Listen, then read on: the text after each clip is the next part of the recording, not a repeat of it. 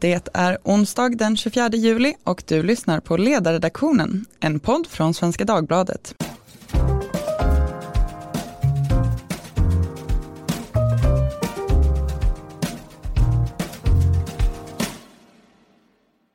Jag heter Katarina Karkainen och idag ska vi prata om Kina, det stora landet i öst. Kina har ju kommit att bli ett ständigt aktuellt ämne i nyheter och diskussioner. Nu senast med anledning av protesterna i Hongkong, som är ett av de teman som jag hoppas att vi ska hinna ta upp idag. Vad är Kina för land? Vad har det för internationella ambitioner? Och hur bör relationen mellan Kina och Sverige se ut? Det ska vi diskutera idag med Per Nyrén, Kina-analytiker och Sebulon Kalander, försvars och säkerhetspolitisk sekreterare i Fria Moderata Studentförbundet. Varmt välkomna. Tack så mycket. Tack så mycket. Per, jag tänkte att du får börja med att ge oss en kort introduktion till vad Kina är för ett land och vad de har för ett politiskt system. Kina är ett stort land med 1,4 miljarder medborgare. Dessa 1,4 miljarder medborgare har egna sätt att se på sina liv och på sitt land. Men det är också ett land som styrs av ett kommunistparti som ger stora anspråk på både hur dessa 1,4 miljarder personer ska leva sina liv, eh, men också på hur världen ska vara. Går man på Pekings gator, då ser man banderoller där det står att utan kommunistpartiet hade det inte funnits ett nytt Kina. Det här nya Kina signifierar Kina efter nationalistpartiet, men också efter det som kallas 100 år av förödmjukelse. Det som inleddes med opiumkriget och eh, ja, flera andra aktioner som sedan ses som att omvärlden har förstört det, det som en gång var ett stort och mäktigt Kina. När Mao Zedong sedermera skapade nya Kina så var Kina ett land som eh, och hade, hade en stat som både kontrollerade hela dess ekonomi men som också strävade efter en världsrevolution. Det här var en väldigt ambitiös agenda, en väldigt rent kommunistisk agenda som sedermera efterföljdes av en lång period av relativt ekonomiskt öppnande. Under Deng Xiaopings ledarskap under 80-talet så öppnade man ekonomin, man hade relativt fritt politiskt ledarskap som under hela 80-talet var mer öppet än Kina har varit någonsin sedan dess. Under de fyra decennierna sedan Mao har Kina öppnats till att bli ett mycket mer öppet, ekonomiskt öppet och mer politiskt öppet land än det var sedan dess. Men även under ett och samma system så har Kina sett ut på väldigt olika sätt. Under 80-talet så hade man en politisk öppenhet som man inte hade under, hade under Mao-tiden, men sedermera inte haft heller. När demonstrationerna på Himmelska fridens torg inleddes 1989 dök den statliga medieapparaten upp och ställde riktiga frågor, betedde sig som en riktig medieapparat. Sedermera har det inte skett på det sättet. Under 90-talet återgick man till ett mer auktoritärt styre. Under 00-talet eh, stabiliserade sig det hela, men det betraktas sedermera som eh, ett förlorat årtionde i politisk, eh, i politisk synvinkel dåvarande premiärministern Wen Jiabao deltog i intervjuer med amerikanska journalister. Man pratade om en eventuell demokratisering så småningom. Eh, men uppenbarligen händer ingenting under 00-talet och sedermera tar den efterföljande politiska generationen över. När Xi Jinping tar över makten så blir Kina väldigt snabbt mycket mer politiskt auktoritärt. De relativa mediefriheter som fanns tidigare stramades åt mycket mer än tidigare och det finns väldigt liten roll för medier eh, såväl som för akademin i Kina. Och det är där vi finner oss idag. Som du var inne på så har ju situationen i, i landet tyvärr ju återigen eh, förvärrats. Kommunistpartiets grepp om befolkningen har ökat. Ehm, hur skulle ni beskriva Xi Jinpings ledarskap i relation till eh, de tidigare ledarna? Så för att ta lite fot på det Per var inne på, eh, om man tittar då på Folkrepublikens historia kan man något pedagogiskt dela in det i tre perioder. En Mao-era, en Deng-era och nu en Xi-era. Och som de här erorna har utvecklat sig så har det ofta varit en motreaktion till den föregående. Så Deng handlar väldigt mycket om att försöka adressera vad man såg som överdrifterna under Mao. Det här med en personkult som var väldigt utbrett. Och då introducerade man olika mekanismer för att eh, förhindra att eh, det skulle kunna uppstår en situation där en person, en enskild person får en väldig makt. Så man sätter in till exempel begränsningar på mandatperioder för presidenten, åldersgränser i de högsta beslutande organen i kommunistpartiet. Och sen när Xi tillträdde 2013 så gjorde han analysen att partiet befann sig i något av en identitets och legitimitetskris Korruption var väldigt utbrett. Under de föregående decennierna under Jiang Zemin och Hu Jintao som båda var handplockade av Deng så hade man öppnat upp eh, partimedlemskap till folk som tidigare inte hade eh, fått tillträde, till exempel affärsmän. Vilket då Xi ansåg korrumperade också partiets värden. Så han lanserade en väldigt aggressiv antikorruptionskampanj som också riktade sig mot hans politiska motståndare lite opportunt. Um, och han har under de här åren som han har varit vid makten eh, tillförskaffat sig Eh, betydligt mer makt. Förra året så reviderade man partikonstitutionen så man tog bort de här eh, mekanismerna som Deng introducerade till exempel med eh, presidentskapet.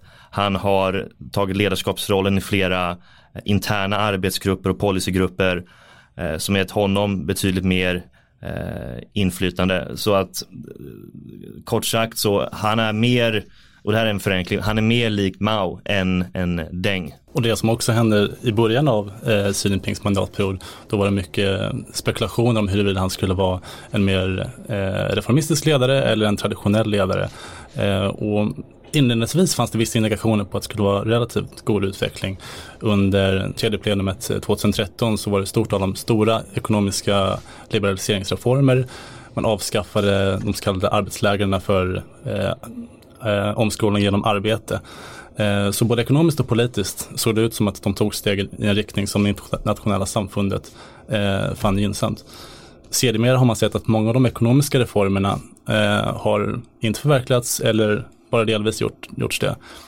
Och medan inte, de här arbetslägren inte finns så finns det nu i Xinjiang en miljon personer av olika etniska eh, minoriteter, men främst uigurer, som är fängslade under omständigheter som är minst lika, om inte värre, eh, omständigheter. Ja, makten har onekligen eh, konsoliderats och livet i Kina har väl också på många, många sätt förvärrats under Xi Jinpings ledarskap. Hur skulle ni säga att eh, den kinesiska befolkningen har det idag? Så jag tror att man framförallt då när det kommer till repressiva åtgärder riktar sig in mot, som du var inne på Per, minoritetsgrupper som uigurerna, eh, politiska aktivister medan kanske folk i gemen inte märker av det lika mycket. Kanske märker man av att, att det har ökat politisk propaganda. Du var ju i Kina ganska nyligen. Vad märkte du av där om jag får ställa en fråga till mm. dig? Ja, nej, men definitivt. Jo, nej, men det sitter ju eh, övervakningskameror varannan meter och någonting som verkligen slår en är ju att eh, ja, lejonparten av befolkningen har blivit väldigt bra på att definiera de här gränserna eh, för vilka du mm. måste hålla dig inom eh, vad gäller att eh, diskutera landet, diskutera världen och, och, och livet i stort. Eh, så det, det där är nog någonting som, eh, som befolkningen i stort märker av väldigt mycket också. Och uppenbarligen tycker kommunistpartiet inte om regimkritik eh, och det är en konstant som alltid eh, har varit fallet då. Samtidigt ändras den gränsen för vad som är politiskt acceptabelt och vad som inte är det. Mm. Det som var intressant för några år sedan är hur kommunistpartiet har gått väldigt hårt mot bland annat feministiska aktivister och det här är då personer som kritiserar saker som inte har med partiet att göra nödvändigtvis utan det handlar om sociala fenomen. Eh, men det man då har sett är att de motverkar grupper som mobiliserar politiska aktioner oavsett om det nödvändigtvis har att göra med just partiet som sådant eh, utan det handlar om organisering utanför partiets eh, egna struktur. Och det ser man ju i de kinesiska sociala medierna också, att det här har varit ett sätt för kommunistpartiet att ha ett eh, finger i luften och höra vad som diskuteras och faktiskt få en, få en känsla för vilka reformer det är som efterfrågas så länge de inte är, de säger hotande av eh, regimen. Mm. Och ett tillägg på det Per var inne på, de har även gått mot studenter, marxistiska studentgrupper som har försökt organisera fackarbetare att få bättre rättigheter. De har också kommunistpartiet gått hårt emot, vilket kan verka lite kontraintuitivt. Men det är återigen som du var inne på att det handlar om folk som organiserar sig utanför partistrukturerna och som direkt eller indirekt ifrågasätter den politi det politiska systemet. Samtidigt så har ju landet genomgått en period av stor ekonomisk tillväxt. De har lyft miljoner ur fattigdom. Och det här landet verkar på många sätt kullkasta våra teorier om förhållandet mellan demokrati och marknadsekonomi och liberal rättsstat och ekonomisk tillväxt. Åtminstone så är det någonting som, som diskuteras mycket nu. Håller ni med om det? hur kommer det sig att Kina har lyckats med den här välståndsresan? Alltså, det den gjorde, som ju påbörjade att man öppnade upp ekonomin, det var ju marknadsliberaliseringar, att helt enkelt släppa lös det kinesiska folkets entreprenörskap och deras eh, arbetsetik. Det är det som då har lett till de ekonomiska vinsterna. Men det var en intressant artikel bara för någon dag sedan i, i Wall Street Journal som tittade på om man jämför den kinesiska ekonomiska utvecklingen eh, med andra eh, jämförbara asiatiska ekonomier. Taiwan, Japan, Sydkorea. Där är, och de är ju också då eh, demokratier eller har utvecklats till demokratier under sin ekonomiska resa. De har haft bättre ekonomisk utveckling än Kina. Eh, så det är också värt att eh, ta i bejakande. Och tittar man nu då på Xi Jinpings ledarskap så har den statliga kontrollen över den ekonomiska sektorn stärkts, vilket kan vara en, en del i då, eh, som jag tror du var inne på här i början, att den ekonomiska tillväxten har börjat bromsa in lite. Det finns en mängd faktorer till det, men den statliga kontrollen, den statliga handeln över Eh, ekonomin är definitivt en, en faktor som påverkar. Ja, det är en god poäng, man ska jämföra med rätt saker. Ofta så sätter vi Kinas ekonomiska tillväxt i relation till Europas, men den, kanske, den jämförelsen kanske säger mer än oss än om, om dem på många sätt. Och det man sett eh, vad gäller utvecklingen av statens roll eh, i ekonomin är att medan tidigare har man i ganska hög hastighet eh, gjort så att staten har en mindre eh, en kontroll av en mindre del av den formella ekonomin, eh, vilket nu har avstannat eh, under den senaste tiden. Trots att statligt ägda företag eh, Eh, har mindre avkastning på kapital, eh, högre skuldsättning än privata företag. Eh, så på det sättet är det ganska klart att dessa företag som helhet är en stor belastning för den kinesiska ekonomin. Av otal politiska skäl i Kina så väljer man ändå att ha kvar dem av arbetsmarknadspolitiska skäl, av strategiska skäl. Och när vi pratar om dem internationellt tycker jag kan vara värt att skilja på de aspekterna. Att man har den man både tar hänsyn till att de har sina arbetsmarknadspolitiska ambitioner och det är en sak och det behöver inte vi eftersträva här hemma eh, eller här i, i västvärlden. Utan, men däremot är det viktigt att ha koll på de strategiska implikationerna av det hela och ha koll på båda de sakerna men betrakta dem som separata fenomen. Det ska ju också sägas att vi inte har sett slutet av konsekvenserna av Xi Jinpings ledarskap och de ekonomiska reformerna ännu. Igår stod det klart att eh, tillväxttakten som du var inne på Sebulon, det senaste kvartalet är det lägsta sedan 1992 och den kinesiska ekonomin som du var inne på Per lider av väldigt stora problem som ännu inte är lösta kanske kommer det ändå visa sig att kapitalism utan faktiskt fungerande marknad, maktdelning och rättsstat fungerar ganska mycket sämre än alternativet. Jag är så, chockad. eller hur? Som jag nämnde i inledningen så är ju en anledning till att det talas om Kina idag de här massiva protesterna som pågår i Hongkong just nu. Den tidigare brittiska kronkolonin som 1997 överlämnades till Kina mot löftet om ett land, två system. Vad innebär det löftet och vad handlar de här protesterna om? Så ett land, två system handlar om att eh, Hongkong som tidigare då styrdes av Storbritannien, eh, vilket betraktats som ett kapitalistiskt system i jämförelse med det socialistiska systemet, eh, då ska ha ett autonomt styre eh, som styrs under deras basic law, en grundlag som är underordnad nationella grundlagen och den ska vara oförändrad i 50 år från och med återlämnandet 1997. Eh, kruxet i det hela är att uttolkningen av den här grundlagen görs i Peking, inte i Hongkong. Eh, och då är frågan hur de tolkar den här lagen eh, och hur den implementeras. Eh, så för fem år sedan var det stora demonstrationer, den så kallade paraplyrörelsen, eh, om just den här frågan. I det fallet handlade det specifikt om eh, hur man skulle utnämna den högsta ledaren, deras chief executive. Och den här gången handlar det om en utlämningslag, om hur man ska göra utlämningar från Hongkong till fastlandskina. Och det finns inte förtroende för eh, det juridiska systemet eh, bland hongkongeserna. Så man tror att om man har den här kopplingen med fastlandskinas eh, juridiska system, då upplöses den här eh, strukturen med att man faktiskt har två stycken system. Kina har ju också blivit betydligt mer aktiva i Europa och i Sverige. I Almedalen i år så arrangerades China Day och det är ju bara ett av många exempel på ökad aktivitet och ökad opinionsbildning i Sverige. Vad tror ni att det här beror på? Vad, vad är de kinesiska intressena i Sverige? Ja, Kina vill ju först och främst uppfattas eh, som ett land eh, som accepteras av resten av världen. Eh, de vill ha ekonomiskt utbyte men de vill också ha politiskt erkännande som i deras eh, perspektiv är ganska brett. Det innebär eh, att de ska ha inflytande i internationella organisationer, eh, att andra länder ska eh, ha en lik med dem liknande syn på bland annat eh, Taiwans roll eh, och andra väldigt känsliga frågor. Eh, och uppenbarligen har eh, den kinesiska ambassaden haft eh, en mer proaktiv roll i den svenska samhällsdebatten det senaste året. Eh, man har kritiserat flera eh, svenska medier, svenska akademiker för hur de har uttalat sig om Kina, eh, om olika sakfrågor eh, och den här China Day-aktiviteten ses som någon slags ambition att eh, återfå narrativet eh, om att Kina är ett land som har stora möjligheter för världen eh, och minska fokus på de andra frågorna som de inte vill prata om. Och det här spelar ju, bara för att återvända till Xi Jinping, det här spelar ju också in i de förändringar som har ägt rum under hans ledarskap.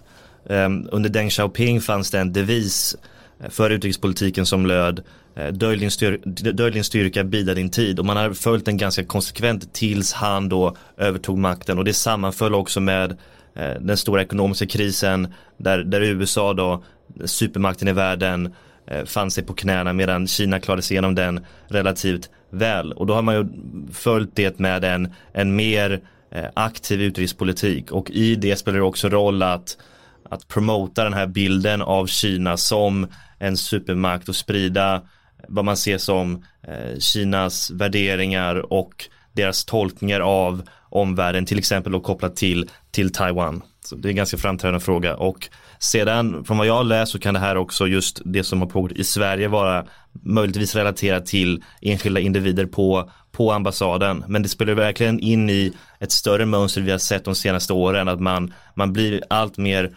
aktiva i att Eh, dels att, ehm, att sprida den officiella eh, statsversionen av Kina och Kinas intressen men också att gå emot de som uppfattas att företräda eller framföra en alternativ linje. Och det är lite intressant om man lyssnar på det som kinesiska ambassadören säger, eh, är att han pratar ofta, det har förbigått, eh, förbisetts lite grann i svenska medier, att han pratar ofta om de hundra åren av förödmjukelse. Så han pratar om när svenska individer kritiserar Kina, ser han som en förlängning på hur västerländska länder, bland annat, han betonar att det är västerländska länder, mm. eh, hade förödmjukat Kina under hundra år. Mm. Det faktum att Sverige inte var en del av det eh, anser han tydligen inte är viktigt. Men han ser då svenska individers kritik av Kina som en förlängning av det. Eh, mm. Ja, och det, det, det tar bort legitimiteten från den svenska diskursen. Precis, det har ju handlat om eh, Tibet, Taiwan, om lägen i Xinjiang naturligtvis eh, och eh, såklart om den svenska medborgaren Gui Minhai som sitter fängslad i landet. Och det har samtidigt handlat väldigt mycket om eh, den här egna berättelsen och det här egna narrativet som man försöker sprida. Den senaste tiden har ju bland annat Moderaterna lyft behovet av en svensk Kina-strategi. Behövs det, tycker ni, och vad bör en sån i så fall innehålla? Absolut tycker jag att eh, det behövs. Och jag skulle säga att, att en, en Kina-strategi, dels det handlar om balans. För jag tror tidigare så har väl misstaget varit att den ekonomiska dimensionen har överskuggat allting annat. Ehm, så vi behöver balans, vi även väger in eh, säkerhetspolitiska intressen, mänskliga rättigheter. Och jag tror en, en svensk Kina-strategi, vi är ett land på 10 miljoner, Kina är ett land på ungefär 1,5 miljarder. En svensk Kina-strategi måste vara en del av en större europeisk strategi för det är bara så vi kan hävda oss mot Peking i, om det nu är förhandlingar om någon ekonomisk fråga eller om vi vill ta, ta en fight för eh, uigurers rättigheter i Xinjiang. Jag tycker att det är viktigt att man, när man ser på Kina-strategin att Sverige har redan en nationell säkerhetsstrategi och den gäller mot hela världen inklusive mot Kina. Och då är frågan hur den förhåller sig till det som den Kina-strategi som UD håller på att eh, ta fram just nu. Problemet i Sverige är att man inte haft en förståelse för hur Kina fungerar, hur kines kinesiska politiska systemet fungerar, hur det hänger ihop med delar av det kinesiska näringslivet, eh, delar av den kinesiska akademin och så vidare. Så jag hoppas att en svensk Kina-strategi kan bilda en slags, någon slags gemensam förståelse av vilka eh, hotbilder som eventuellt finns från Kina eh, och vilk, i vilken mån det finns eh, genuina, riktiga eh, samarbetsmöjligheter med Kina.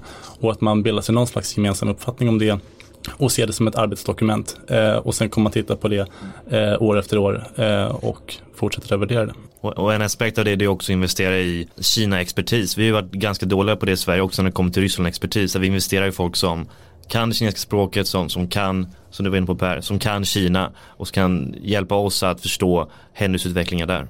Vi kommer med all eh, säkerhet få skäl att eh, komma tillbaka till de här frågorna. För idag så måste vi dock sätta punkt. Jag vill också att vi passar på att skänka tanke och styrka till den svenska förläggaren Gui Minhai som sitter fängslad och frihetsberövad av Kina sedan 2015 och som varken den svenska ambassaden eller någon annan har fått kontakt med på flera år.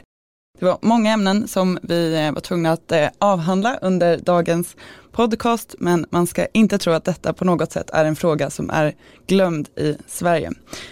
Med det sagt så vill jag säga tack så hemskt mycket till Per Nyrén och Sebulon Kalander Tack också till er som har lyssnat. Om ni har frågor, synpunkter eller idéer till ämnen så får ni gärna höra av er till ledarsidan svd.se.